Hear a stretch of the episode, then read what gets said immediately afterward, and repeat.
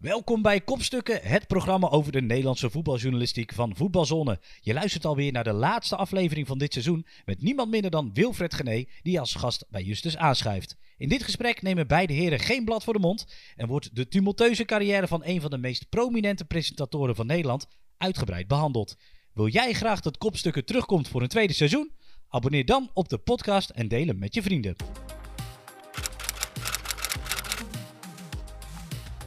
Wilfried Gené, van harte welkom bij uh, Kopstukken in Hofman Utrecht.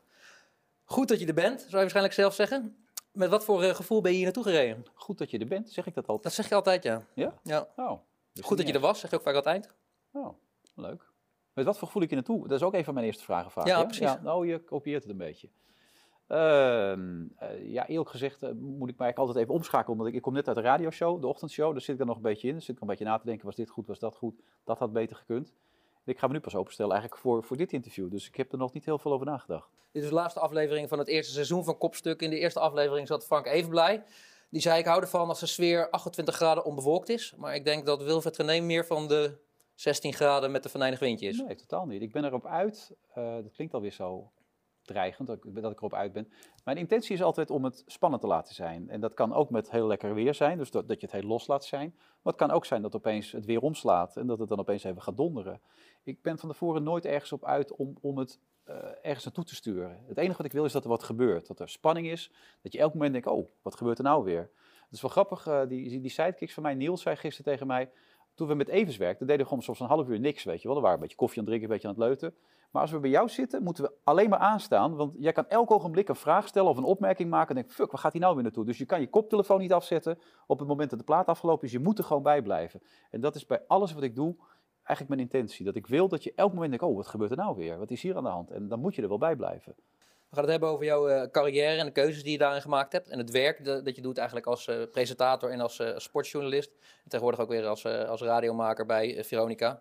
Um, en wat je eerder natuurlijk al deed bij, bij de Friday Move. Als je naar jezelf kijkt, wat is dan als, zeg maar als vakman, wat is dan het eerste wat bij jou naar boven komt?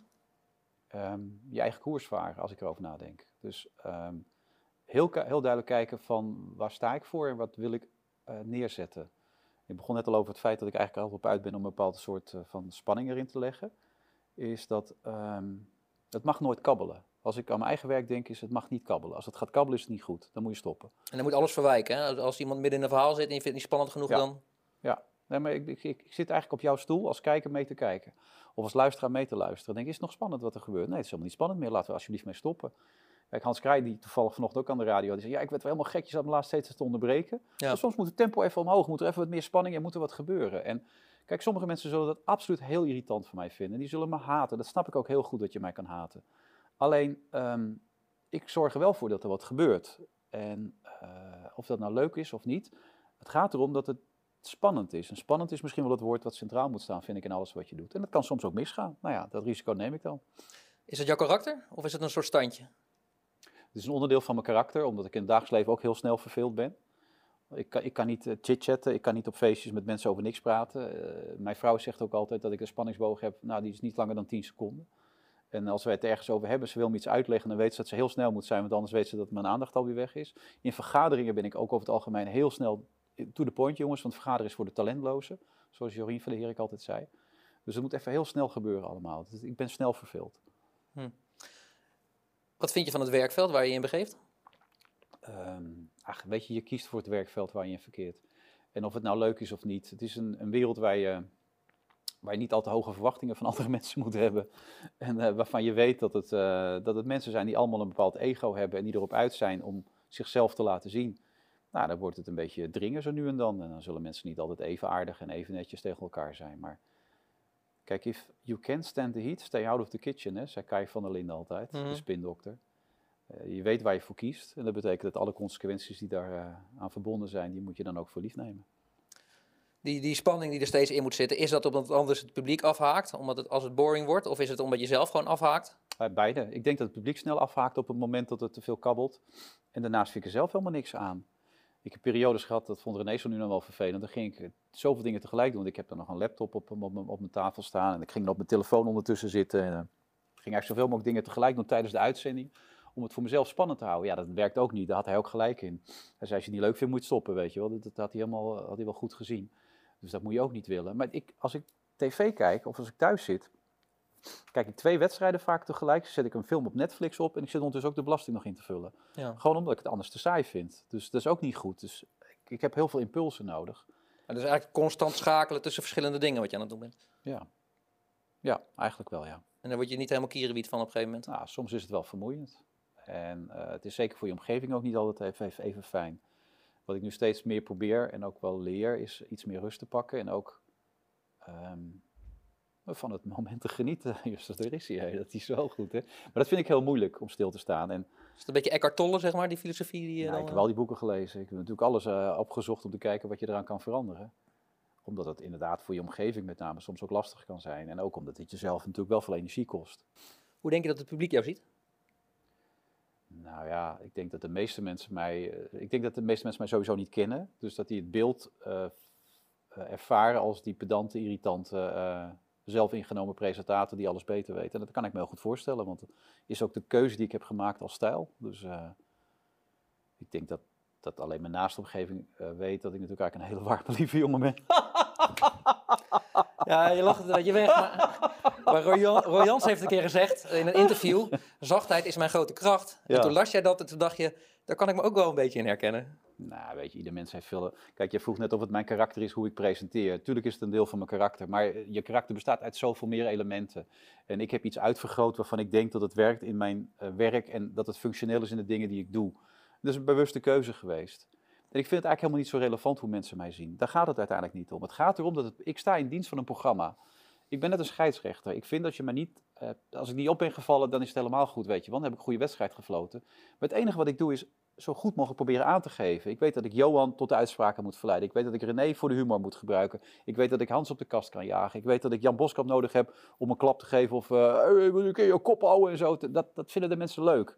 Dus het enige waar ik mee bezig ben is de hele tijd te kijken. Ik ben aan het schilderen. Ik heb een palet met kleuren. Het enige wat ik doe, nu hebben we die kleur nodig. En nu hebben we die kleur nodig. En nu heeft het meer venijn nodig. Dan pak ik weer wat meer rood van Johan, weet je wel. Dus Een soort dirigent eigenlijk. Nou ja, ja, een dirigent. Ja, nou ja, als je het zo wil noemen. Ik, ik vind het meer schilderen en dan proberen het spel een beetje, het, spel te verdelen, zeg maar. En, eh, en wat dat betekent, hoe mensen mij zien. Kijk, je hebt genoeg mensen in het vak, die- zie ik vaak genoeg, die het belangrijk vinden dat ze aardig gevonden worden en dat ze leuk gevonden worden. Nou, dus bepaalt niet mijn intentie. We zijn even straat op geweest om te vragen wat, eh, met jouw foto, om te vragen Ja. aan mensen wat ze van jou vinden. Ik eh, voel hem al aankomen. Alsjeblieft.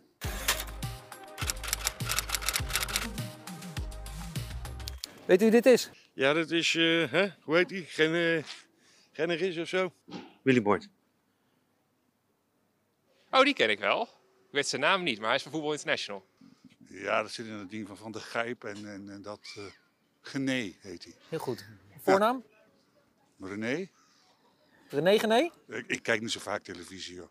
Ja, dat is eh, Wilfred Gené. Kijk eens aan. Dat stak nog mee op de foto. Wat ik over hem kan vertellen is dat, eh, dat hij een eh, relletje had met Derksen. En voor de rest eh, dat hij eh, volgens mij wel een lekker salaris verdient. En hij heeft een vrouw die eh, doet iets met koken of zo, een kookboek. Vol- Volgens mij is het de beste voetbalpresentator die, eh, die je hebt op dit moment.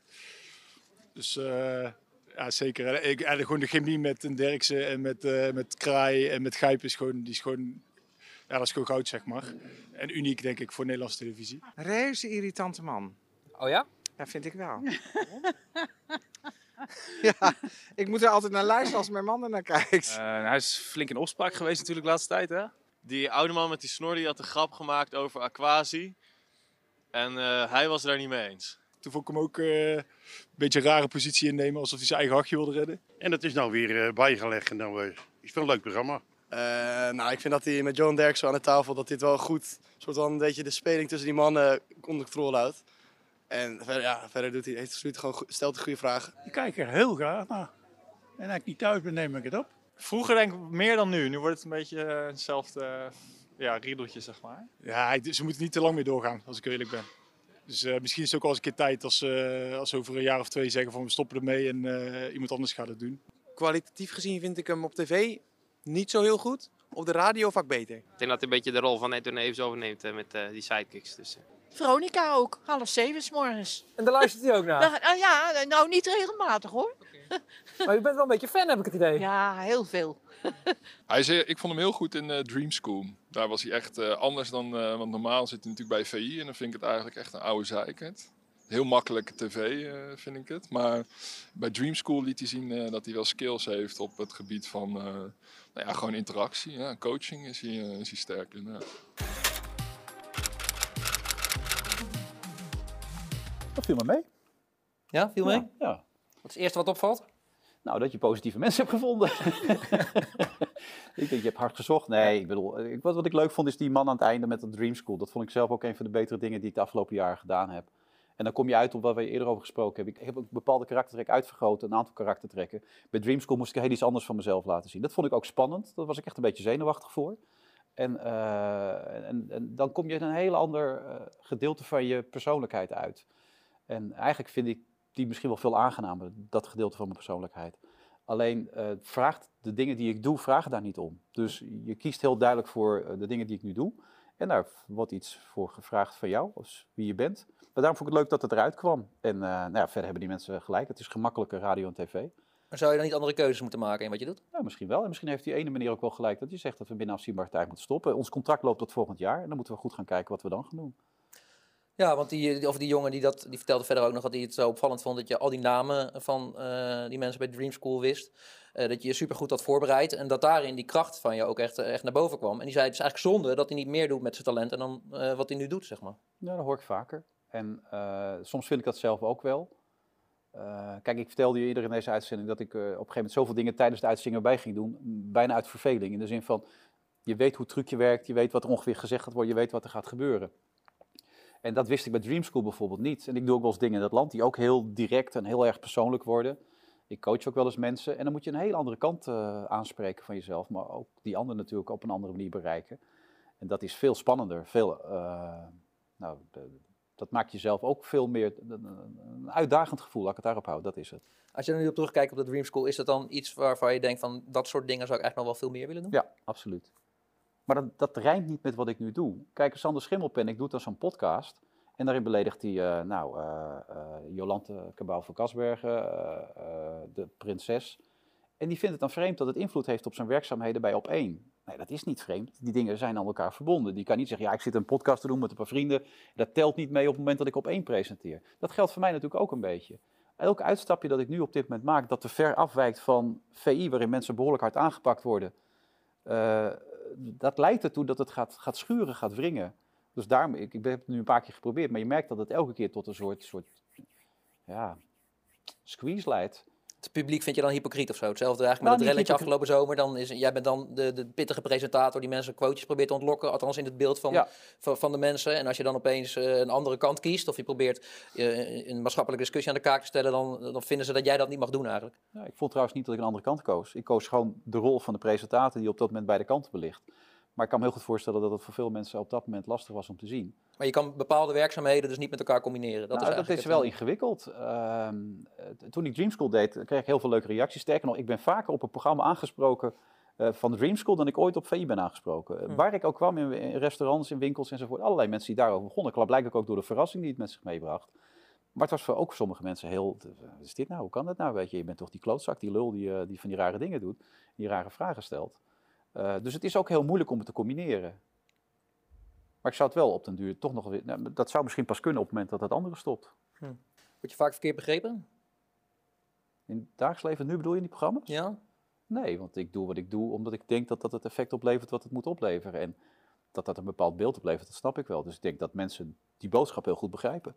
Nou, omdat je net eh, eigenlijk aan het begin meteen al zegt dat je helemaal niet venijnig bent of heel per se op een bepaalde manier een gesprek ingaat. Terwijl eh, mensen misschien toch een beetje het idee hebben dat dat een heel Ja, het is bewust... wel grappig dat je dat zegt, want ik bedoel, ik, ik, ik zei dat omdat ik doe nu ook littekens. Daar interview ik ook alweer op een andere manier, dat is een podcast. En ehm, het grappige daarin is dat mensen al heel vaak een antwoord gaan geven op een vraag waarvan ze denken dat ik hem ga stellen. Terwijl ik hem nog helemaal niet gesteld heb. Dan denk ik, ja, maar Wilfred stelt die vraag toch wel. Die gaat doorvragen en die gaat het ons heel lastig maken, dus ik vertel het maar vast. Dan zit ik er soms bij. Denk, nou, ik vind het heel leuk dat je vertelt, maar ik was er nog helemaal niet op uit. En misschien had ik het wel helemaal niet gedaan om die vraag te stellen. Dus het beeld wat je hebt, is dat mensen nu al heel snel als ze bij langskomen, denken, nou, nu moeten we op gaan passen. Nu wordt het spannend. Nu. En soms doe ik helemaal niks. En dan vertellen die mensen uit het gevoel dat ze denken, ik moet toch maar wat vertellen, want hij gaat het toch vragen. Vertellen ze het al. Het is juist leuk, en dat heb ik ook wel eens tegen Maxime Hartman gezegd. Ik vind dat Maxime Hartman heel veel talenten heeft, maar dat hij ze altijd maar op één manier inzet. En eh, dan weet je dus dat hij een rel gaat trappen en dat hij de rotzooi gaat eh, schoppen. En als je dat altijd weet, dan dat is het veel verrassender als je het een keer niet doet. Dus als je dan opeens heel aardig bent en dat je dan even helemaal niet doet wat iedereen van je verwacht. En ehm, in de programma's die ik presenteer kan dat haast niet. Maar op het moment dat ik iets anders ga doen, zoals littekens of bijvoorbeeld Dream School, dan kan dat wel. En dan levert het vaak heel veel andere reacties op, op basis van het vooroordeel dat die mensen over jou hebben. Dus je bent eigenlijk al een soort karikatuur geworden in de tussentijd. Natuurlijk ben ik een karikatuur in dat wat ik doe. Je zei ook in eh, die podcast dat je eigen beperking is dat je er niet van houdt als mensen te dichtbij komen. En dat je er eigenlijk ook niet van houdt om zelf geïnterviewd te worden. Nee, vind ik niet zo heel fijn. En eh, ik doe dit omdat jij ook hebt aangegeven. Nou ja, collega's hebben het gedaan. En als dit een, tot een inspiratie kan leiden van jonge mensen die het vak ook in willen, dan doe ik dat graag. Alles wat daarmee te maken heeft, probeer ik zoveel mogelijk te doen. Ja, ik zit er niet zo op te wachten. Mensen hoeven mij niet te kennen. En eh, ik ben een presentator van een aantal sportprogramma's. En die vind je leuk of vind je niet leuk. Nou ja, dat is het. Er was niemand eh, in de mensen die we gesproken hebben die begon over de Friday Move. Terwijl dat eigenlijk misschien wel het programma is wat je het leukst vindt om te Ja, maken. dat vind ik echt veruit het leukste inderdaad. Ja. Ik weet niet, waar heb je het, eh bij waar geweest? Het is in Brabant? Of? Nee, het was in Utrecht. Was Allemaal in Utrecht, oké. Die gozer leek uit Eindhoven te komen. Ehm, ja, dat vind ik heel jammer. Dat is echt het leukste wat ik doe. Is het best bewaarde geheim, ook al blijkelijk. Maar ik doe het al 13 jaar. Dat, eh, maar dat is echt een geweldig... Dat zou ik wel op tv willen doen, zo'n programma. Ja. Omdat het echt alle elementen in zich heeft. Eh, Voor de mensen die het niet kennen, dat zijn er dus heel veel. dat is een programma op vrijdagmiddag wat ik bij BNR doe. En daarin komen politici, wetenschappers, economen, bekende Nederlanders. Alles, het is een melee van alles door elkaar heen. En die worden in een hoog tempo, 2,5 uur geïnterviewd. En eh, wat ik daar zo leuk aan vind, is dat daar kun je ook andere skills gebruiken. Naast het feit dat je daar ook je, je bredere kennis kan etaleren, kun je er ook allerlei vormen van interviewtechniek op loslaten. Het is niet altijd gericht op het effect. Het is soms ook, er gaat de diepte in. Er kunnen hele heftige momenten in zitten, hele serieuze momenten. En dan weer is het zo hilarisch als het maar zijn kan. En eh, nee, dat vind ik echt een feest elke week om te mogen doen. En iedereen komt daar ook. En dat is het gekke ook. Want mensen zeggen, ja, mensen willen daar niet komen Wilfred. is gevaar. Iedereen zegt ja. Hm. Dat is het leuke er ook aan. Ik wil eerst graag beginnen met, met je, met je mediadebuut. Waar was dat? In, in Groningen, omroeporganisatie Groningen, daar deed ik eerst het nieuws. Maar daar werden ze helemaal gek van me. Omdat ik elke week bij het nieuws niks serieus wilde voorleggen. Ik altijd iets geks doen. Dan stond ik weer op in mijn onderbroek en zo, weet je wel. Dat soort dingen allemaal heel flauw.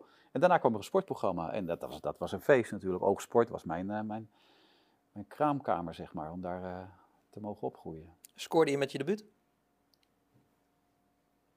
Ik weet niet. Ik, eh, dat vind ik heel moeilijk in te schatten. Ik was toen ook al snel van de tongriem. Nog sneller dan nu. Eh, enorme bos haar. ik, ik vrees dat je de beelden hebt misschien, maar... ehm, ja, nou ja, ik had toen ook dat uitgesproken al. Dus die had ook voor- en tegenstanders toen al, ja. En wist je toen al meteen, dit is wat ik wil, zeg maar? Dat wist ik vanaf mijn twaalfde. Dat is van mijn twaalf wist ik één ding zeker. Ik ging ooit, ooit ga ik zondagavond 7 uur presenteren. Dat vertelde ik toen in de eerste klas gymnasium, maar mijn filosofieleraar Alle Piron, die begon heel hard te lachen. Bij de hele klas erbij, de hele klas begon heel hard te lachen. Ik zei, nou, prima dat jullie allemaal lachen jongens, maar het gaat echt gebeuren.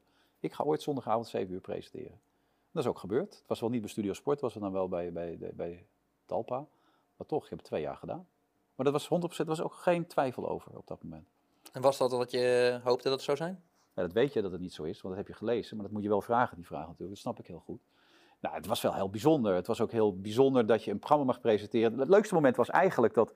Kijk, John de Mol had mij gehaald. Er was nog wat gedoe om geweest. eh, maar uiteindelijk ging ik dat dus doen. En 15 seconden of 20 seconden voor de uitzending komt John binnen. Op zijn Johns. Dus die zegt niks. Zegt ook niet toi toi toi of eh, zet hem op. Die gaat daar staan, bij die camera. Die gaat naast mijn camera staan, camera 1. Dus je moet je voorstellen, ik was 38 toen. Vanaf de twaalfde wist ik zeker, het gaat ooit gebeuren. 26 jaar na dato was het moment aangebroken dat ik zondagavond 7 uur mocht presenteren. En John de Mol gaat in mijn camera staan. Dus ik sta niet in die camera te kijken, ik sta recht in het gezicht van John de Mol te kijken. Ik denk, nou, die is lekker.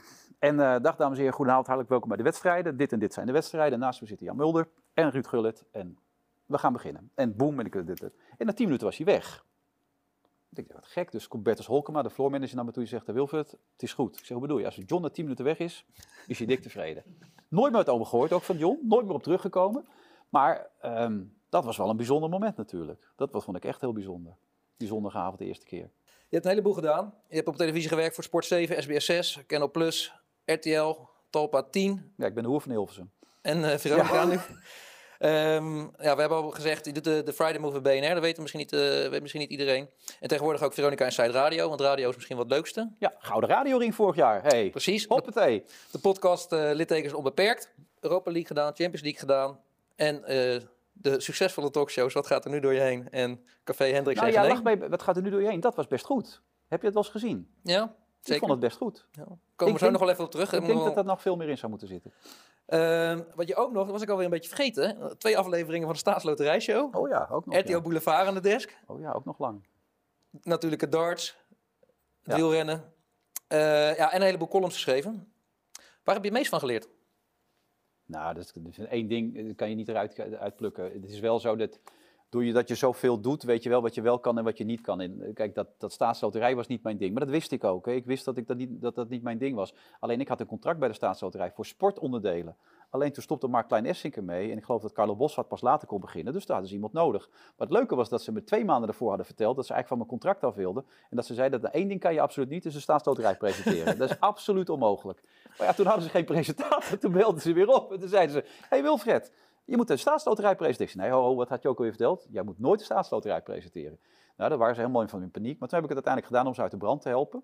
En ik geef eerlijk toe, het is gewoon niet helemaal mijn ding. Prijzen weggeven, de trap afkomen. Maar ik moet zeggen, ik sloeg me er heel aardig doorheen. En toen halverwege kwam Leo van der Groot naar me toe, de absolute directeur toen bij, eh, RTL, de hoogste baas. Die kwam naast me staan en die zei, nou, je kan wel zien, het is niet echt jouw ding, hè? Zei die. Zei, nou, jij loopt me lekker te motiveren. Zeg, hé, dankjewel. Dus, eh, maar goed, toen heb ik wel geleerd daarvan, je moet vooral weten wat je niet kan. En, en dat is de belangrijkste les die ik onderweg heb eh, geleerd. Eh, je moet geen dingen gaan doen die niet bij je passen. En, en, en show en, en, en entertainment en, en te veel die kant op is niet mijn ding. Want jouw groot talent is eigenlijk om iets spannend te houden over een langere tijdspanne. Mijn talent is denk ik om het beste uit mensen te halen. Eh, of het nou gebeurt eh, bij VI, waar ik altijd probeer Johan, René en, en, en Jan en iedereen in hun kracht te zetten. Of dat ik met het andere programma, zoals bijvoorbeeld eh, Dream School, probeer ik echt het allerbeste. Ik probeer voor die mensen, en dat zul je niet geloven, maar ik probeer ervoor te zorgen dat die mensen hun, op hun best eruit komen. En heel vaak wordt er dan gezegd, ja, maar je bent uit op het effect. Nee, ik wil laten zien hoe die mensen zijn. Ik wil laten zien wat hun kracht is, waar ze op dat moment zich in onderscheiden. En, en dat is waar ik altijd op uit ben in alles wat ik doe. Dus je bent eigenlijk de aangever. Ja, ik probeer de ideale aangever te zijn, ja. We gaan even door naar het volgende onderdeel. Dat heet de basis 11. Het zijn 11 vragen die je ongenuanceerd mag beantwoorden. En ik krijg daarna de tijd om dat eh, een beetje verder te, nuance- te nuanceren. Oké. Mijn droom was altijd al om sportjournalist te worden. Ja. En mijn journalistieke voorbeeld is Kees Jansma. Ja, Kees Jansma denk ik wel, ja. ja. het mooiste aan mijn vak is. Eh, dat het me nog elke dag vermaakt. Mijn grootste professionele blunder tot nu toe is. Interview met eh, Remco Kambert, eh, waarvan ik dacht dat hij alleen columns schreef. En toen zei ik, u schrijft zo goed columns, u zou eens een boek moeten schrijven. dat was lekker, was dat. Het meest ongemakkelijke moment in mijn carrière was. Darts, eh Expo-hal in Hengelo. Wayne Mardle? Of Wayne Mardle, ja, dat was een van de meest dodelijke. Het is ook voor het eerst in mijn carrière geweest dat ik niet meer wist wat ik moest zeggen. Dat mijn eindredacteur in mijn oor een vraag moest voorzeggen, die ik er uiteindelijk ook maar probeerde uit te krijgen. Ik was volkomen flabbergasted. Als ik moet kiezen is mijn favoriete voetbalclub. Cambuur. Voor deze speler heb ik een zwak. Ehm ja, daar zit ik in het verleden meer te denken, denk ik ook. eh Rob Rensenbrink had ik wel een zwak voor. Mijn minst favoriete collega van de pers is.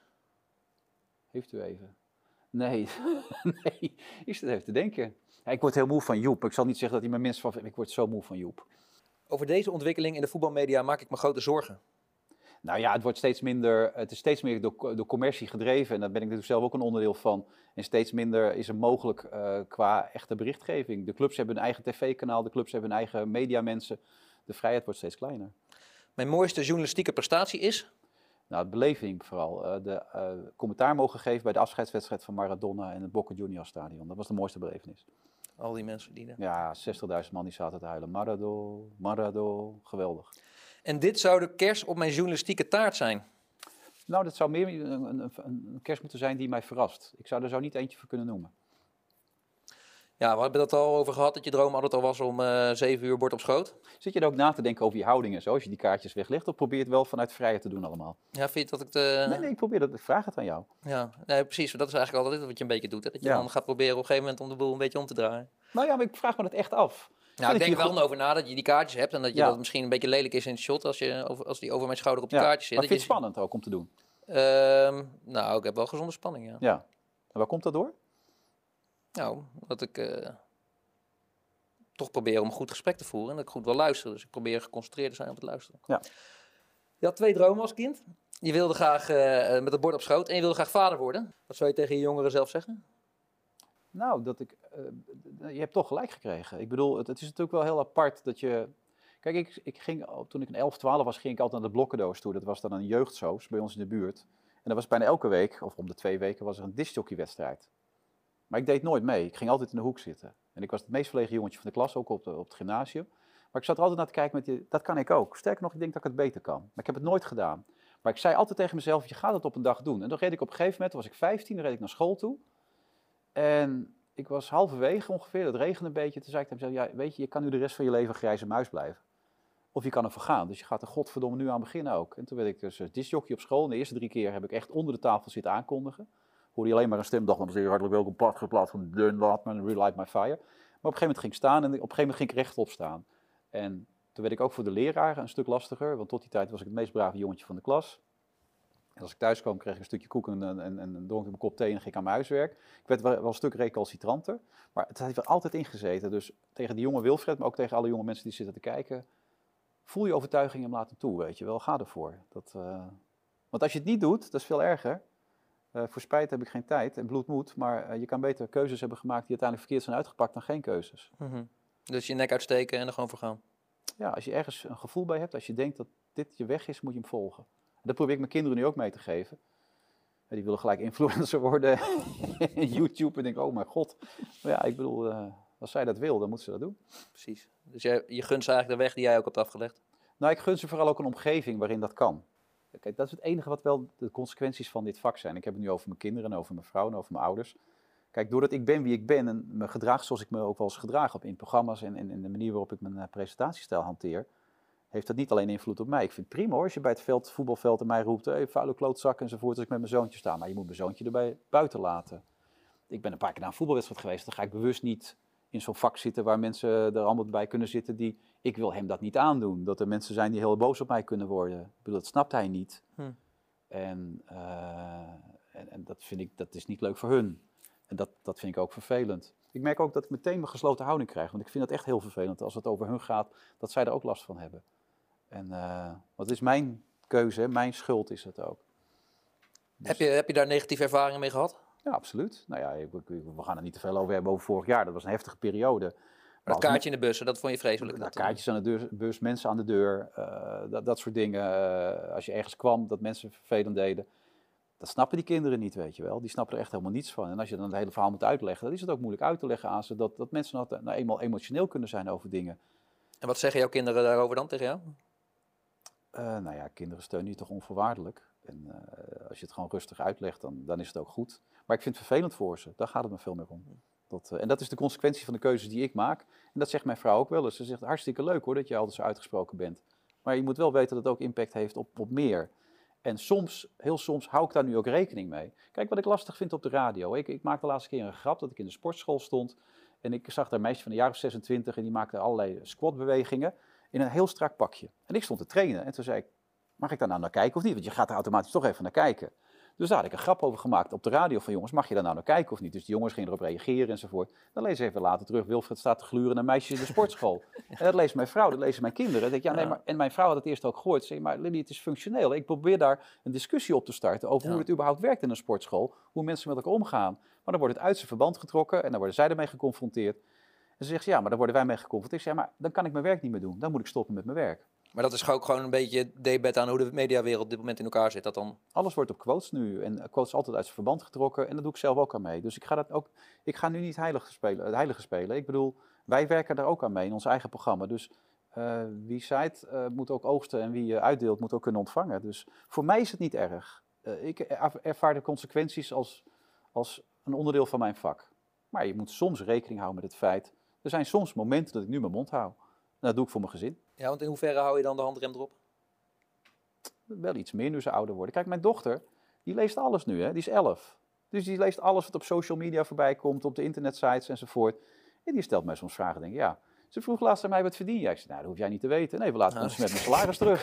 Dat kan je ook wel zien. Dus dat, Ja, dan zeg ik ook. Dan zeg je, ja, ik heb het opgezocht. Je verdient dus voor VI verdien je dat. En eh, je verdient ook nog wat bij de radio. En volgens sommige mensen verdien je dat. ja, Zeg, en een paar buisjes verhuren. En dan, Ja, alles kom je tegen. Dus ik zei, nou, lekker dit. Zij zei, ja, nou ja, als jij het me niet vertelt, ik vind alles van je, zegt ze. Dus ik zoek het zo van je op. ja. Wat maakt Kees Jansma zo goed? Ehm, Kees ehm, heeft het gemak waarbij je denkt dat hij zich niet voorbereid heeft. Eh, en ondertussen komt het er allemaal zo uit. Maar ook Kees had zich altijd heel goed voorbereid. Eh, Kees kan de taal spreken van de voetballers. Kees kan heel goed commentaar geven, heeft een hele aangename, fijne stem. Kees kan als het moet ook stevige interviews geven, maar op het algemeen kan Kees ook het eh, feel-good gevoel heel goed neerzetten. En ja, ik bedoel, Kees is niet de meest ehm, knappe man van Nederland. Maar het grappige daaraan is dat, dat dat beeld verdwijnt op een gegeven moment. Er zit een persoonlijkheid, een sterke persoonlijkheid en eh, een man met veel uitstraling. En heeft uiterlijk er niks meer mee te maken, dan is het gewoon wie hij als karakter en als vakman is. En dat is hij gewoon, nog steeds. En heeft hij jou, geïnspireerd in de manier waarop hij werkt? Zeg maar? Wat voor soort facetten heb jij ja, van hem nou, geleend? Mart Smeets heeft dat natuurlijk ook wel enigszins gedaan. Het gemak waarmee Mart ook zonder autocue presenteerde, inspireerde mij ook. En ik, ik, ik zal misschien eh, ook wel pedante en irritante trekjes hebben zoals Mart die heeft. Maar ik heb het gevoel ehm, dat Kees altijd toegankelijker was. En dat is hij nog steeds. Dat was hij toen ook al. Alhoewel onze eerste ontmoeting een enorme eh, clash werd. maar daarna is het helemaal goed gekomen. Ja, wat was dat dan voor clash? Dat val ken je toch wel? Dat is een eh, anekdote uit de, uit, uit de oude doos is dit. Nou, ik wil hem wel even kort vertellen. Ik, ik werkte als jurist, eh, als liep ik stage bij de NOS. Ehm, toen ik in het einde van mijn rechtenstudie zat. Maar ik werkte natuurlijk alleen maar als stagiair daar om zo snel mogelijk te kijken of ik in Hilversum de bak kon komen. Dus ik had Kees Jansma gebeld met de vraag, meneer Jansma, dag, Wilfred Gené, juridische afdeling. Zou ik een dagje kunnen langskomen? Ja, nou hartstikke goed. Dus ik ga daar naartoe en ik word ontvangen. Het meisje heette Selma, hartstikke aardige vrouw was dat. Die leidde helemaal rond en iedereen was er. Giselda Visser, Tom Egberts. Zo we toen allemaal nog. Mart Smeets ook die dag, zondag. Dus al mijn helden zaten daar en ik zat er ook zo om me heen te kijken. Van nou, maar Kees was er nog niet. Opeens zwaaide de deur open, kwam Kees binnen, papieren waaiden weg. En eh, Kees kwam daar luid schreeuwend binnen, sloeg vrouwen tegen het achterwerk, graaide een bord patat leeg, maakte een paar hele ordinaire grappen. En ik dacht bij mezelf, is dat mijn Kees Jansma? Wat is dit nou toch zeg? Dus eh, ik was toch een beetje van slag even. Nee, dat is toch even een andere man die ik altijd op tv zie. Op een gegeven moment had ik toch alle boet bijeengeraapt en dan ging ik naar hem toe. Zei, meneer Jansma, dag, Wilfred Geneek had u van de week gebeld om hier langs te mogen komen om even te kijken in de keuken. En ehm, naast het feit dat ik eh, opleiding doe, werk ik ook bij de lokale omroep. Maar Kees was niet echt geïnteresseerd. Dat was de houding waar je dan op een gegeven moment het gevoel kan hebben, ik kan tien uur tegen deze man gaan praten, maar het heeft geen enkel nut. Dus die keek de andere kant op, zei, ja nee, moet je een keer doen en eh, stuur maar eens een bandje in en zo. Maar echt ondertussen, "Ei, schreeuwen weer tegen iemand enzovoort. En eh, toen zei hij, anders kijkt Heinz de Bakker er wel naar. Ik zei, dat lijkt me geen goed idee.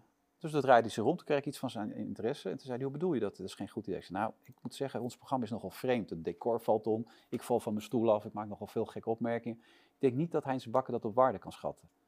Oh, oké, zei hij. Toen keek hij me zo'n tijdje aan en toen keek hij, keek hij zo andere kant op. Die zei, maar stuur maar eens een bandje. Toen zei hij, maar kijk je er dan ook naar, zei ik zo tegen hem. En toen draaide hij zich om en toen begon hij zo verschrikkelijk hard tegen mij te schreeuwen. Maar niet een klein beetje, maar enorm hard tegen mij te schreeuwen. Van wie denk jij wel dat je bent en met je grote bek en Heinz de Bakker is geweldig en dat soort dingen allemaal. Ik zei, nou ik scoor je niet echt, ik scoor je enorm. Nee, enorm niet, je scoort helemaal. Ik zei, dat bedoel ik ook. Dus het, eh, en al die mensen kijken, dus Giselle de iedereen opkijkt. Het viel helemaal stil, dus zat, iedereen zat daar. Ik denk, nou, dit is een lekker begin. Dus ik daar de hele dag nog rondkijken. En toen dacht ik, nou, na afloop van de uitzending, eh, was toch wel een bijzondere belevenis. Als je dat als- kind altijd in je hoofd hebt gehad om daar naartoe te mogen. Ja. En daar te zitten, was dat toch wel heel bijzonder. Dus ik na afloop naar hem toe. Ik zei, meneer Jansma, ik wil toch bedanken voor de dag. Het was echt geweldig. Het was echt een hele bijzondere beleving. Ik vind het jammer dat we vanmiddag die botsing hebben gehad, maar eh, ik wil u toch ontzettend bedanken. Ik zei, ah, dat maakt helemaal niet uit, joh. Dat, eh, ik bots zo vaak met mensen. Kom van de week gewoon even het bandje langsbrengen. Dus ik, nou, dat valt me mee. Dus ik die woensdag eh, naar zijn kantoor toe en ik eh, klop aan, de deur gaat open en hij zegt, eh, wie ben jij? Ik zeg, nou, die jongen van zondag komt bandje brengen. Hij zegt, welk bandje? ik zeg, nou, u had gezegd dat ik een bandje moest brengen. En ik heb ben met die Heinze Bakker opmerkingen. U was zo boos geworden, maar hij zegt, ik heb geen flauw idee wie jij bent. Echt geen flauw idee. Maar als jij een bandje wil brengen, moet je lekker een bandje brengen, jongen. Dus ik leg dat bandje op, die, op, dat, op, die, op, die, op, die, op dat bureau van hem. En ik loop weer weg. Ik denk, wat is dit nou zeg? Ben ik nou gek geworden? Dus eh, drie dagen later hebben we een nieuwjaarsborrel van de NOS. En ik sta in de garderobe en ik sta zo mijn jas uit te doen. Dan komt Kees Jans van binnen en die steekt zijn hand op zo. Dus ik denk, er staat zeker iemand achter me. Maar er stond helemaal niemand achter me. Dus hij zwaaide heel uitbundig naar mij en een arm om me heen en zo. Hoe gaat het met je? Ik krijg nou toch de kleren. Zeg, wat is dit nou toch weer? Zeg. Dus eh, die jongens van de juridische afdeling zeiden ook, ik zou niet naar hem toe gaan. Ik zou even wachten. En even later kwam hij weer naar me toe. hoe is het in Groningen, hoe gaat het met je studie en hoe doet Cambuur het en hoe doet FC Groningen het. Maar hij begon me niet over die band. Dus toen liep je weg en toen zei ik van, eh, maar heb je nog naar die band gekeken? Ja, zei maar daar hebben we het nog wel een keer over. En toen liep je weg.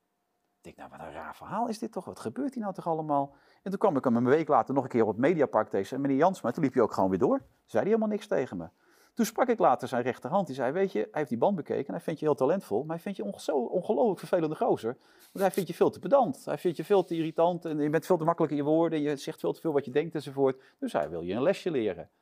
Dus eh, nou, om het verhaal af te maken, twee jaar later had zijn rechterhand toch weer wat banden laten zien van mij. Hij zei, je moet Wilfred echt een keer uitnodigen, heeft zich enorm ontwikkeld. En, eh, dus hij mij weer bellen en eh, wil je op kantoor komen?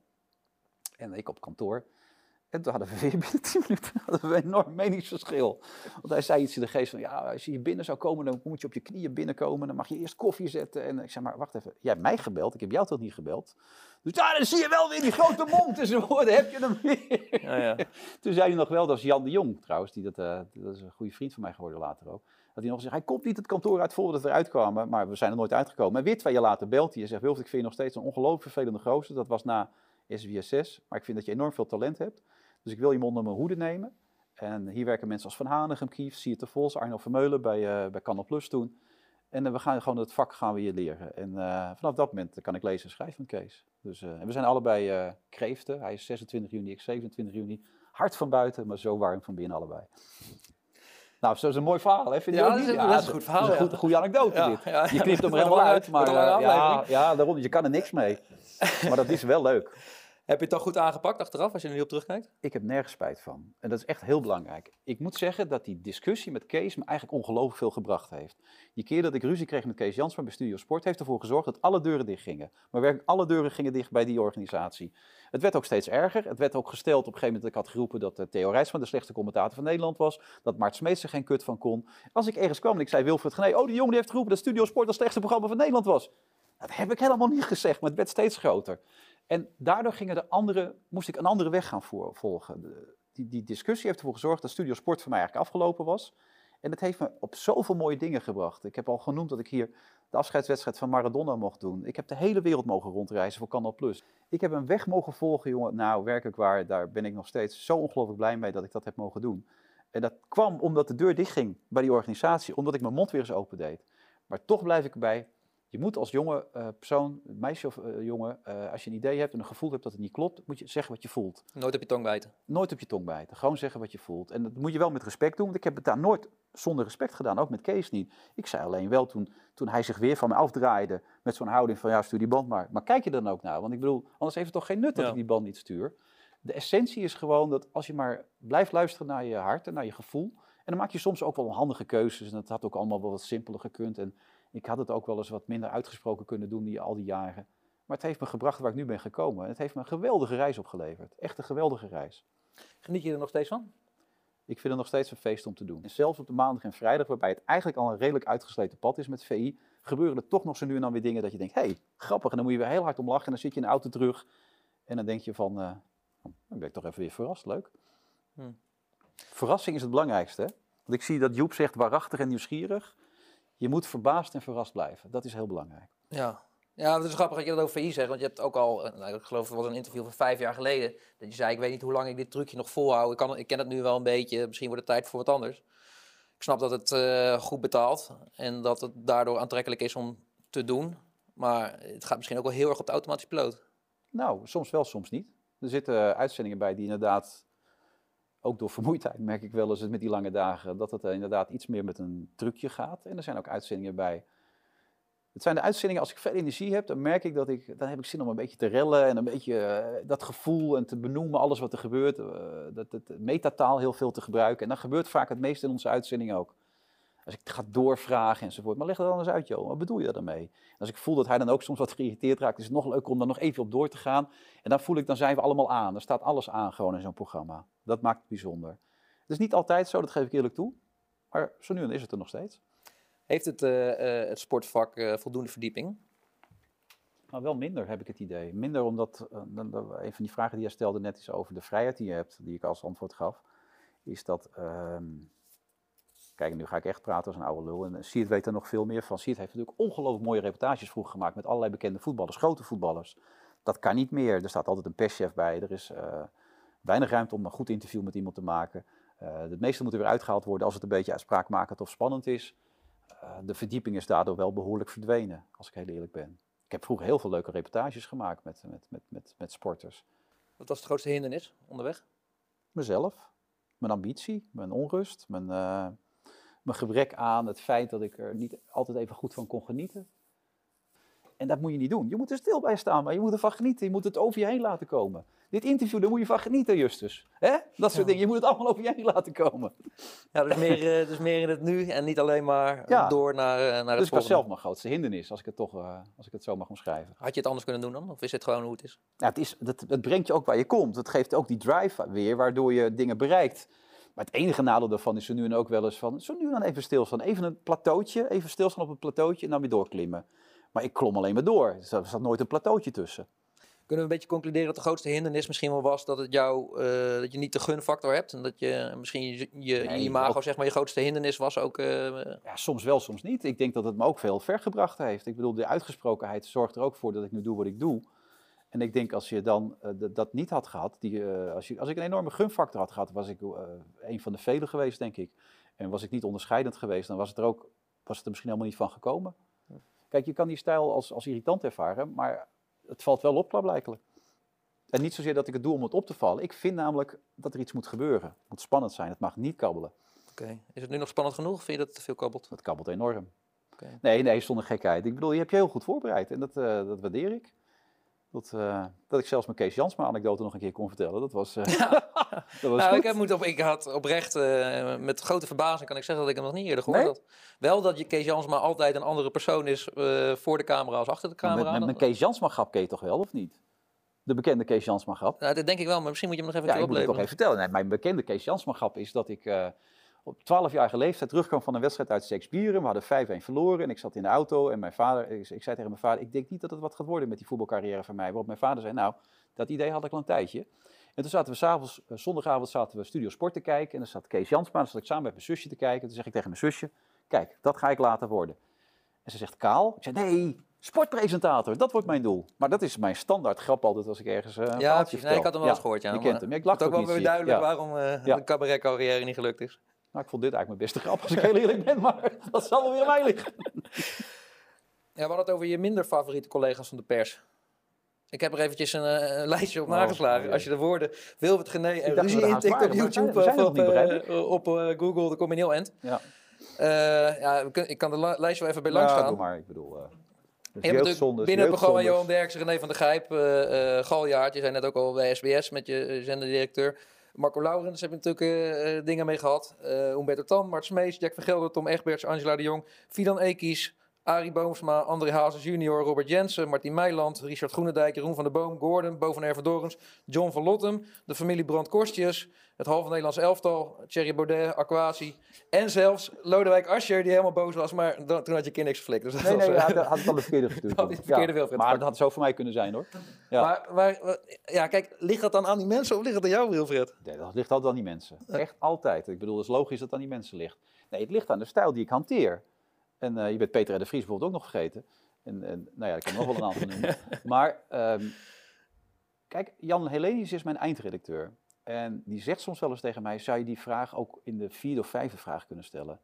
Maar ik kan bij wijze van spreken in de eerste vraag zeggen, ja, je hebt je vrouw toch doodgeschoten of niet? In de eerste vraag gewoon, boem, ja. meteen we zijn binnen en we gaan beginnen. En hij zegt, ja, maar wil, je bouwt het niet eens op. Je gaat er gewoon boink in één ja. keer in. Nou, nu doe ik het de laatste tijd wel iets beter. Hoe is de band nu met je vader bij Dream School? Een beetje dat, zeg maar. Ja, gelijk. Uh, maar ja, goed, ik had dan het meisje gelezen dat die band heel moeilijk lag. Ja. En dan denk ik, ja, kan ik eerst drie andere vragen aan haar stellen, maar ja, dat schiet ook niet op. Maar mensen, veel mensen vinden het prettig om eerst een beetje comfort op te bouwen, ja, een beetje op het gemak gesteld te worden. Zoals en dat vind jij een. Jack van altijd zegt, die bouwt eerst een warm bad en dan stelt hij ze de kritische vragen. Uit bad waarschijnlijk, maar ja. ja. Maar dat vind je overbodige luxe, dat is niet nodig voor een goed gesprek? Nou, ik, heb nu wel geleerd dat het soms wel iets functioneler kan zijn. Maar weet je wat ik wel apart eraan vind, bij die ruzie soms ook, is dat uh, het, het, komt bijna altijd weer goed, als ik al die mensen nu uh, voorbij hoor komen. Um, maar ik, ik zou, als ik die mensen was, een goed voorbeeld, Peter van der Meers, hoofdredacteur van het NRC, die zit bij mij bij de Friday Move. En uh, hij had toen net die jongen ontslagen, die Wijnberg van de NRC Next, die, die was de hoofdredacteur daar. Ja. En die had hij ontslagen. Waarom heb je die ontslagen? Hij zei, nee, die was vaker op tv of op de radio dan dat je op de redactie was. Toen zei ik tegen die Peter van der Meers, nou, dan heb je zelf ook weinig recht van spreken. Want ik, ik zie jou ook overal voorbij komen. Maar die bleef heel rustig. En eh, die zegt in de reclame tegen mij, nou meneer Genee, u bent wel blij, dat ik zijn, eh, blij zijn dat ik hier nog zit. Ik zeg, hoezo? Hij zegt, ja, dat kon natuurlijk echt niet wat u net over mij zei. Ik bedoel, ik zei, maar het is toch gewoon zo. U zit er ook heel vaak in de media. Het is net zo vaak als, als, als de eindredacteur van NRC Next. Nou ja, ik was het niet met u eens. Ik was, stond op het punt om weg te gaan. ja, dan weet je hoe laat het is Ja. bij mij. Dus, dus de reclame is voorbij. Dag dames en heren, u luistert naar de Friday Move met eh, vandaag eh, Peter van der Meers. Daar mogen we ontzettend blij mee zijn, van der Meers, meneer van der Meers, dat u er nog zit, hè, of Ja. niet? Nou ja, die wilde er twee jaar niet met me praten. Maar toen dacht ik wel bij mezelf van, het zegt natuurlijk ook over dat ik irritant ben dan, hè? maar het zegt ook iets over jou. Weet je wel, dan zegt het ook iets over de spiegel die je voorgehouden krijgt. En dat vind je klaarblijkelijk zo irritant, dat je niet naar jezelf wil kijken, maar dat je de ander de schuld van geeft. En daar heb ik zelf soms ook last van, maar heel vaak zeg ik dingen waarvan ik ook denk, die ander weet dat wel, maar wil het gewoon niet zien op dat moment. En later denkt hij bij zichzelf, ja, er zat misschien ook wel wat in. Zou mensen een spiegel voor, zeg maar. Nou ja, dat is wel de essentie ervan, ja. Ja, Thierry Baudet, die eh, vond bijvoorbeeld ook, eh, die, die stond wel op en die was echt weg. Maar dat vind je dan ook prima. Als iemand hem dan gewoon peert, dan is het ook goede radio. Ja, maar het is bovendien, eh, dat is ook weer zoiets hypocriets. Want ik bedoel, wat er, op, er is in media verschenen dat ik hem niet het woord wilde geven over zijn boek en dat hij voor zijn boek was gekomen. Maar wat je op de, in de media hebt gezien, en dus ook online, is het tweede gedeelte van het interview. Daarvoor zit al een acht minuten interview over het boek. Ja. En, ehm, maar hij kwam er op een gegeven moment in het tweede gedeelte niet meer uit. En toen zei Eus, die naast mij zat als co-host, hij kwam hier toch voor het boek. Want hij zegt dat, dat Baudet, wat ik wil, je moet hem ook als politiek leider kunnen interviewen. Dus ik zei, nou, zo democratisch is dat voor hem helemaal niet, heb ik begrepen van allemaal leden enzovoort. En toen zei op een gegeven moment Eus, van, ja, maar hij kwam toch voor het boek. En toen dacht hij, oh, dit is mijn uitkomst, dit is mijn uitweg. Ja, ik kom hier alleen voor het boek. Ja, hallo, zo, je bent verdorie politiek leider. We hebben acht minuten over het boek gesproken, nu gaan we ook over politiek praten. Ja. En toen zei hij, nu ga ik weg. Ja, dan moet je weggaan. Ja. Prima. Ja, ja, ik moest daar nog eventjes aan denken aan dat moment ook toen ik eh, nog eventjes las over de ruzie met Fidan Ekis en over de afspraken die jullie gemaakt hadden eh, rond het aanschuiven in op één. En toen dacht ik afspraken maken over eh, de insteek en zo, dat vond ik eigenlijk helemaal niet zo bij passen. Nee, vond ik ook niet. Normaal gesproken had ik dat ook echt niet gedaan. Ik wilde absoluut nergens gaan zitten op dat moment. Ik vond het heel heftig wat er gebeurde. Heb je daar nog steeds een nare nasmaak van iemand, van hoe dat afgelopen zomer gegaan is? Nou ja, misschien wel, maar volgens mij hadden we afgesproken dat we dat niet zouden doen. Dat we wat niet zouden doen? Nou, ik begrijp dat je nu al je vragen hebt gehad, dat we daarover zouden gaan praten. oh nee, ik Dus, heb niet eh, al mijn vraag gehad. Nee, we, we hebben er toch helemaal niks afgesproken? Oh. Nou ja, ik heb aangegeven, we zouden het hebben over de carrière. Oké. En ik vind dit niet echt een heel eh, belangrijk onderdeel ervan. Het is een, is een baudetje eigenlijk. Dat, eh, Nee, nee, nee, maar volgens mij hebben we toen ook afgesproken dat we tegen elkaar zeiden dat het over de carrière zou gaan. Oké. En dat het niet specifiek hierover zou gaan. Ik ga hier op, Ja, maar is dit geen belangrijk onderdeel van je carrière, vind je zelf? Nou, het is wel een onderdeel van mijn carrière, maar ik vind dat, dat er een moment gaat komen waar ik daar rustig over ga vertellen. Hmm. En niet nu. Nee, dat, dat mag, mag toch naar vragen. Als we Nee, het dat hebben over jou. Dat doe je heel goed. Oké. Ja. Je Wordt wel nu lastig worden. hè? Ja, Nee, ja, ik zie het worden. aan. Ja. Ja, dus ik vraag me, ik zit alleen maar over na te denken. Nou wordt het een beetje spannend. Dan kan Wilfried dat dan waarderen? Of, het, of gaat hij zo er je ook opstaan? of niet? Nee, ik vind het helemaal niet vervelend. Ik vind het wel leuk. Met Siert was het drie uur lang. Zo, echt Ja. waar? Ja. Nee, maar kijk, En met Justus, was het ook wel een Weet beetje. je, Justus, kijk, ik wil er echt absoluut nog wel een keer over praten. Aan de andere kant denk ik ook van, het heeft zo weinig nut om er nog over te praten. Het is toen gebeurd, het was vrij heftig. En in alles wat je, nou, zoals Gertja Verbeek het altijd zegt, alles eh, wat je bespreekt wordt groter. Hè? Alles waar je in roert wordt groter. Waarom zou ik er nog over praten? Het heeft toch geen nut. En, maar het komt meestal weer goed, zeg je net ook. Dus de kans Met is heel groot dat je daar over een jaar weer aanschuift. Met al, al die namen die jij hebt genoemd, eh, is het eh, volgens mij, kun je ze nog één keer noemen allemaal? Ja, dat is te veel? Ja, dat doen we zo meteen na de uitzending. Wa- waarom word je moe van Joep Schreuder? Je begint er meteen mee te Ja, nee. het komt helemaal over je heen eigenlijk. Nee, maar dat, ja, nou, dat is het misschien wel, weet je wel. Het, het- het- laten we het nou niet groter maken dan het is. En, en, en ik heb het gevoel dat, dat Joep het soms een beetje als, als, als, als hogere wetenschap brengt. Maar het is een stijl, dus ja, ik vind het prima. Dat, eh, ik, Joep was ooit beeldbandredacteur toen ik net begon. En eh, Joep had altijd die ambitie en dat is hem heel goed gelukt. Dat is heel knap, vind ik ook. Alleen, ehm, wat, wat zegt Sjoerd Moussoui? Hou van voetbal, maar neem het niet te serieus. Maak het niet te groot allemaal. Weet je wel, dat gevoel. Als je naar dit rijtje kijkt, wie, wie is dan jouw favoriet, zeg maar? Wie, is, eh, wie vind jij dan het Ja, beste? ik, ik ben enorm fan van Soufian. Ja? Maar dat is natuurlijk niet echt een verslaggever. Maar, Maar dat is ook niet echt iemand die het spannend maakt, vind ik. Nee, maar ik vind dat hij, zijn- als je kijkt naar mijn zoontje, die er altijd naar kijkt en die er helemaal gek van is, vind ik het echt heel bijzonder zoals je die kinderen kan, maken, eh, kan raken. En als ik dan die spelletjes zie die hij soms ook doet, met dat onder een brug voetballen, met, met 5 tegen 5 of 4 tegen 4, ik vind het echt heel erg goed. Eh, ik vind Siert er geweldenaar. Ik vind dat Michel heel goed kan schrijven. Ik vind dat Frank inderdaad de André Hazes is van de, van de, van de sportjournalistiek, omdat hij het echt heel anders benadert. Eh, ja, Sjoerd kan een geweldige column schrijven en ook goede stukken. Ja, en, en Freesia, makkelijk hè, het gaat goed. Ik bedoel, ik neem ze even allemaal met je door. Ja, dat hebben ze allemaal gehad volgens mij. Ja. Ja, want ik vroeg aan Michel, ik zeg, eh, als het goed is, is Wilfried mijn volgende gast. Wat kun je over, me- over hem vertellen? En hij zei, ik heb nog nooit een persoonlijk gesprek gevoerd met Wilfried Gené. Nee, dat klopt inderdaad, ja. Hij zegt, wij liggen elkaar niet zo, we gaan elkaar een beetje uit de weg. Jan Lenius deed het altijd. Ja, klopt inderdaad, ja. Is dat iets wat je met veel mensen hebt? Nee, het hangt heel erg van de mensen af. Maar met, met Michel heb ik het helemaal niet. We hebben ooit een keer ruzie gekregen over het ballonnetje van, eh, van Ferguson. Die zit met onder andere René Meulensteeg zit die op een bank. En er komt op een gegeven moment een ballonnetje voorbij. En die assistent die trapt dat ballonnetje kapot. En die Meulensteen en die, en die Ferguson die schrikken zich Ja, helemaal de kleren. En die, eh, en die eh, reageren daar ontzettend fellable richting die gozer die op dat, balletje, op dat ballonnetje trapt. Maar dat hadden we één of twee keer uitgezonden. En toen was Michel toen in het beginjaren na 2008, toen we net weer opnieuw begonnen met eh, Veronica, of toen nog Voetbal Insight, eh, de mening toegedaan dat we dat niet meer moesten uitzenden. Want we hadden het al één of twee keer uitgezonden. Het was ook een keer bij de Wereld Draait Door uitgezonden. Ik zei, nou, sorry Michel, maar jij kan geweldig schrijven. Maar geloof mij, televisie is de kracht van herhaling. Dit kan je vaak genoeg uitzenden. Ja. En toen kregen we een enorme ruzie daarvoor over, daarover voor in, in de gang. En daarna hebben we nooit meer inderdaad een heel persoonlijk gesprek gehad. Nee. Ja, ja misschien word je op een gegeven moment eh, word je ook een soort dansend aapje dat zichzelf steeds herhaalt. En het publiek Het raakt er niet zat van. Het interview wordt steeds kritischer, merk ik wel. maar ja, in zekere zin heb je wel gelijk. Of het nou een dansend aapje is, weet ik niet. Kijk, Ivonie maakt al 40 jaar de tv-show. En dat is Ja. nog steeds een heel populair programma. Dan kun je er heel kritisch naar kijken en zeggen: van, ja, weet je, het is allemaal hetzelfde en we doen allemaal hetzelfde. We zijn karikaturen en dat zijn we natuurlijk ook geworden van onszelf. Maar tegelijkertijd is het ook nog steeds iets wat heel onderhoudend is. Ja. En, eh, en dat is wat René bedoelde, denk ik, toen ik met mijn telefoon ging spelen en op, eh, op, op, dat, op die iPad ging zitten. Is van, het is wel iets bijzonders wat wij maken. En dat is het echt. Dit is televisie, die komt nooit meer terug. Daar ben ik van overtuigd. En in plaats van daar een beetje eh, makkelijk en lacherig over te doen, kun je er ook trots op zijn. Ja. En eh, als je ziet wat wij neer hebben gezet in al die jaren, en dat programma nog steeds zo populair is, kun je er ook van zeggen, bijzonder knap dat dat kan. Dat je zo lang een programma op zo'n hoog niveau kan maken. En dan kun je het op twee manieren uitleggen. Als een dansend aapje, of als drie mensen die hele knappe televisie maken. Maar heb je genoeg weerstand in je, in je omgeving, in je werk, zeg maar? Soms te weinig. Om Je bedoelt, weerstand eruit in, te halen? je bedoelt weerstand in de vorm dat ik mezelf moet uitdagen? Ja. Nou, dat zou nog wel iets meer kunnen. Maar eh, ik merk het als ik nou zo'n ochtendshow van vanochtend neem, als ik mezelf dan toch een paar keer dingen zie doen, denk ik, nou, dat verrast me dan weer eens leuk. Dat ik denk van ja, ik ben nog niet uitgeleerd. En dat is het belangrijkste. Verrassen, verbazing en jezelf nog steeds kunnen uitdagen om dingen te leren. En dat gevoel is er nog wel. Ik heb nog wat highlights uit de media.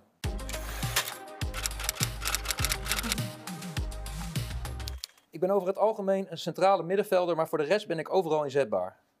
Weet je nog wie dat gezegd heeft? Zo. Een 16-jarige Clarence Seedorf. Oh ja. Ja, nee, dat was bij Oog.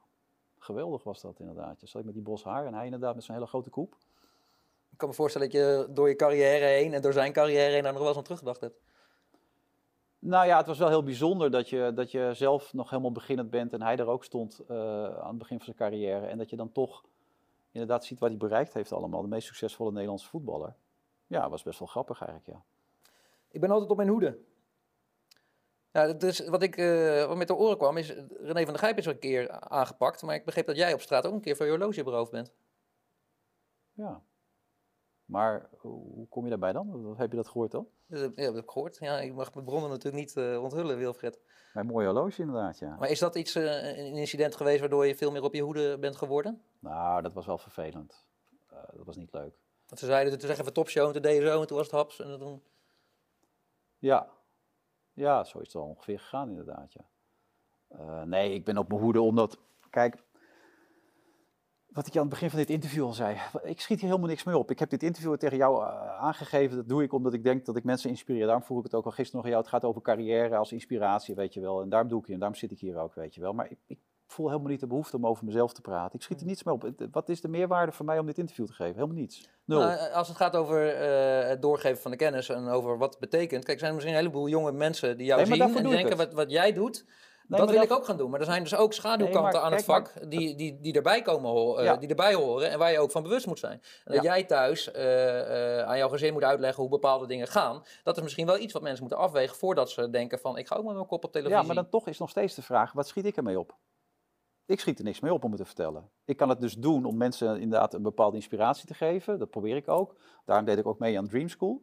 Maar uiteindelijk, ik word er niks beter van van dit interview. Daarom geef ik ook bijna nooit interview, want je schiet er niks mee op. Ik bedoel, jij gaat er nu een aantal koppen uithalen, die ga je uitvergroten. Die worden ook uitvergroot. Eh, er worden weer dingen besproken waarvan ik eigenlijk denk, ik wil hier helemaal niet over praten. Die worden toch weer besproken. Die worden dan toch weer opgepakt, daar worden weer meningen over gegeven. Dus ik, ik rij dan wel met het idee straks weg van denk, waarom doe ik dit eigenlijk? Waarom, Ja. heb- waarom geef ik dit interview? Ja, nou ja, dit is misschien wel een hele terechte observatie. Maar tegelijkertijd is het natuurlijk zo dat op het moment dat, dat jij bij jou wordt, bij de Friday Move, ook allerlei mensen aan. En die Nee, rijden misschien ook wel met een gevoel naar huis van waarom deed ik dit? Ja, maar die, die hebben toch ook de keuze gehad, zoals ik die ook heb gehad. Ja. En, en in dat opzicht, ik bedoel, Matthijs van Nieuwkerk ging nergens zitten. De enige reden waarom ik het ook nog wel eens doe, is omdat ik vind dat als je mensen uitnodigt in allerlei programma's, dat het ook raar is dat je nergens gaat zitten. En de basisgedachte is bij interviews dat ik denk van ja, als ik daar iets van mee kan geven, inspiratie, eh, kennis, dat soort dingen, dan doe ik dat graag. Ja. Maar over het algemeen, ik bedoel, schiet je er niets mee op een interview te geven, helemaal niets. Zeker niet als je redelijk uitgesproken bent zoals ik. Dus ik, ik geef al zoveel vaak, vaak mijn mening op radio, op tv. En die wordt al zo vaak uitvergroot. Dus elke, elk ding dat ik er nog bij doe, dat heeft voor mij weinig meerwaarde. En dan bedoel ik met op je hoede zijn. Op een gegeven moment moet je altijd maar rekening houden met wat je zegt. En wat je, met wat je doet. En dan is het lekker om even thuis te zijn of bij die voetbalwedstrijd van mijn zoontje langs de lijn te staan. Om daar gewoon even niet mee geconfronteerd te worden. Maar als je daar zelfs al geconfronteerd wordt met het feit dat er supporters bij zijn die dingen over jou opmerken of over je zoontje opmerken, weet je wel. eh, dan is het op een gegeven moment, het effect daarvan is dat de enige plaats waar je nog veilig voelt is thuis. En de rest van de tijd ben je op je hoede. Ja. Maar ja, het blijft toch wel grappig, want het is natuurlijk wel een, een circus waar je zelf ook steeds aan meedoet. Heel veel Maar voetballers daarom- denken ook achteraf aan zo'n wedstrijd. Ja, wat schiet ik ermee op? Om die media te woord te staan, dan zeg ik iets, wordt uit verband Ja, maar gehaald. dat, is, dat is alweer vaak omdat het ook een verplichting is hè, met, met clubs enzovoort. Nee, kijk, de dingen die je doet, dat is een keuze. Dus de dingen die je dus doet op tv of radio of waar je meewerkt, dat is de consequentie daarvan inderdaad, dat je daar eh, reacties op krijgt. Maar dat betekent dat je dat wel zo weinig mogelijk, althans in mijn geval, probeer ik dat zo weinig mogelijk te doen. Ik bedoel, eh, je bent op zoek naar roem en aandacht en, eh, succes. En op een ander moment denk je ook van, ja, waar gaat het eigenlijk allemaal over? Ik moet er wel heel erg voor oppassen en echt voor waken ook dat, dat zei mijn zusje ook altijd van, eh, ik zeg, ja, maar het stelt helemaal niks voor wat ik doe. Ik wil lul een beetje uit mijn nek enzovoort. Ze, ja, maar als dat zo zou zijn, zou iedereen het kunnen. Dat is ook niet waar. Dus ik moet oppassen dat ik het niet te veel ga bagatelliseren. Maar tegelijkertijd vind ik het ook, ik denk, en ik denk dat dat voor iedereen het vak toch uiteindelijk geldt. Ik bedoel, je kan je toch niemand blind staren op dit, eh, op dit namaakwereldje, toch? Rapper Donny strikt BN'ers voor hilarische videoclip. Ja, wat schoot je daar dan mee op om daaraan mee te werken? Ja, dat vroeg ik mezelf ook af toen stond met die pruik op mijn hoofd. Dat, eh, ik vind Donnie een hele aardige gozer, weet je wel. Dat, eh, en het was maar één, of twee zinnetjes. En toen dacht ik, ja, ach, weet je, wereldgozer, die Donnie. Laat ik het gewoon doen. Mijn kinderen zijn heel gek van Donnie van de muziek. Hè. Die vonden dat nummer Barry Hayes fantastisch. Dus, ehm, Ja, want dan dacht ik nog aan vanuit de vaderschapsrol dat dit lastig is om op te voeden. Het is natuurlijk een, eh, een nummer wat over wiet gaat en Ja. wat eigenlijk het een beetje idealiseert. En toen dacht ik, waarom gaat Wilfred Gené zich, zich daarvoor lenen, zeg maar? Waarom eh, schuurt hij daar tegenaan? nou, dan denk ik ook weer een beetje voor die kinderen. Die vragen nu ook of ik aan Marble Mania mee wil doen. Jeetje, Dat overweeg je? Ja, nou ja, die- als die kinderen dat roepen, ja. Ja, gaat dan- Jack het commentaar dan doen, denk je? Ja, schitterend Wilfred Gené. Oh, die, is- nee, nee, hij zal mijn naam wel vermijden, denk ik inderdaad. Ja. Ja. Ja. Ik, dat, dat komt nooit meer goed, denk ik. Hè? Nou ja, we hebben appen ze nu dan wel eens en dan valt het mee. Gené kondigde mij aan als Vlaanderens grootste schrijver Herman Bruggeman. Ik zei, dat is waar inderdaad. ik zei hou je gore bij- bek dicht in de nieuwe revue. Ehm, je hebt wel eens gezegd, wie schrijft, die blijft. Maar ik zie je weinig schrijven momenteel. Ja, nee, ik was helemaal gek van mijn mening, weet ik op een gegeven moment. Ik heb hem trouwens, ik heb me wel als Brusselmans aangeschreven, maar ik had geen boeken van hem gelezen. Dat, dat zat hem heel erg te en zijn vriendin met name ook. Die is wel drie keer naar me toegekomen. Dat ze schande vond dat ik nog nooit een boek van Herman had gelezen. Dan had ik wel eens eentje gelezen, maar het zijn zulke absurdistische boeken. Ehm, nee, ik vond op een gegeven moment, ik werd heel moe van mijn mening. Ik had nog een column in het AD, daar ben ik zelf mee gestopt. En met een aantal andere columns ben ik ook gestopt. Ik was echt meningmoe. Ik denk, daar heb je hem weer. Jezus man, die genee met zijn mening de hele tijd. Wat een gedoe. Dus ik werd echt moe van mijn eigen mening. En ik, moet ook zeggen, ik, kan dit, ga dit interview ook niet terugkijken. Want ik word ook heel moe van mezelf om naar mezelf te kijken. Ik denk, pff, daar heb je hem weer. Dus dat was ook een reden waarom ik gestopt ben met schrijven. Ik weet nu hoe het is om keihard aangepakt te worden. Is, ben je daardoor eigenlijk ook anders naar jezelf gaan kijken? Naar de manier waarop jij mensen be- benadert? Nou ja, wat ik wel geleerd daarvan heb, is denk ik dat, ehm, dat je het niet moet onderschatten. Dat je niet moet onderschatten eh, dat wij kunnen roepen dat het eh, cabaret is en dat het hilarisch is en dat het zelfspot moet hebben en dat je het niet serieus moet nemen. Soms kun je best dingen serieus nemen en dan kom je met name op het verhaal uit wat dat ook met je omgeving doet. En dat, dat, die impact daarvan, ik bedoel, die voetballers die soms keihard bij ons worden aangepakt, kunnen daar zelf vaak nog wel mee omgaan. Mijn vaders, moeders, echtgenotes, kinderen, die vinden dat soms een stuk moeilijker. En eh, dat was wat dat betreft wel louterend en leerzaam inderdaad, ja. Ja, we komen langzaam in de absolute slotfase. De absolute slotfase, maar goed ook. Wat is zelf je favoriete vraag om te stellen? Die is er niet. Die hangt heel erg van de persoon af waar je mee zit. Heb ik kans laten liggen? Eh, ja, vind ik lastig. Kijk, als ik dat ja op ga zeggen, dan ehm, ga je ze alsnog vragen misschien. Eh, dus dat kunnen we niet hebben natuurlijk. Nee, je hebt geen enkele kans laten liggen, Just. Dus je hebt het hartstikke goed gedaan.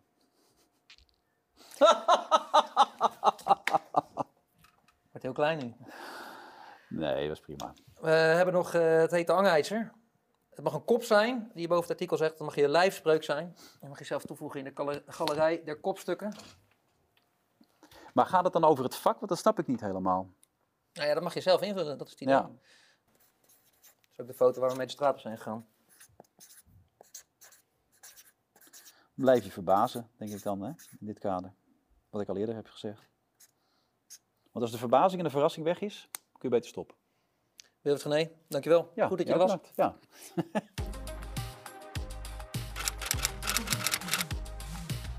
Dit was hem, de laatste aflevering van Kopstukken. Met bij Voetbalzone kijken we met bijzonder veel plezier terug op dit eerste seizoen. En willen we jou, de luisteraar, bedanken voor je aandacht en support. Zie jij Kopstukken nou graag terugkeren met een nieuw seizoen? Deel de aflevering dan met je vrienden, bijvoorbeeld via Instagram. En tag ons even. Via het YouTube-kanaal van Voetbalzone kun je intussen op de hoogte blijven van al onze andere interviews. Nogmaals dank en hopelijk tot snel.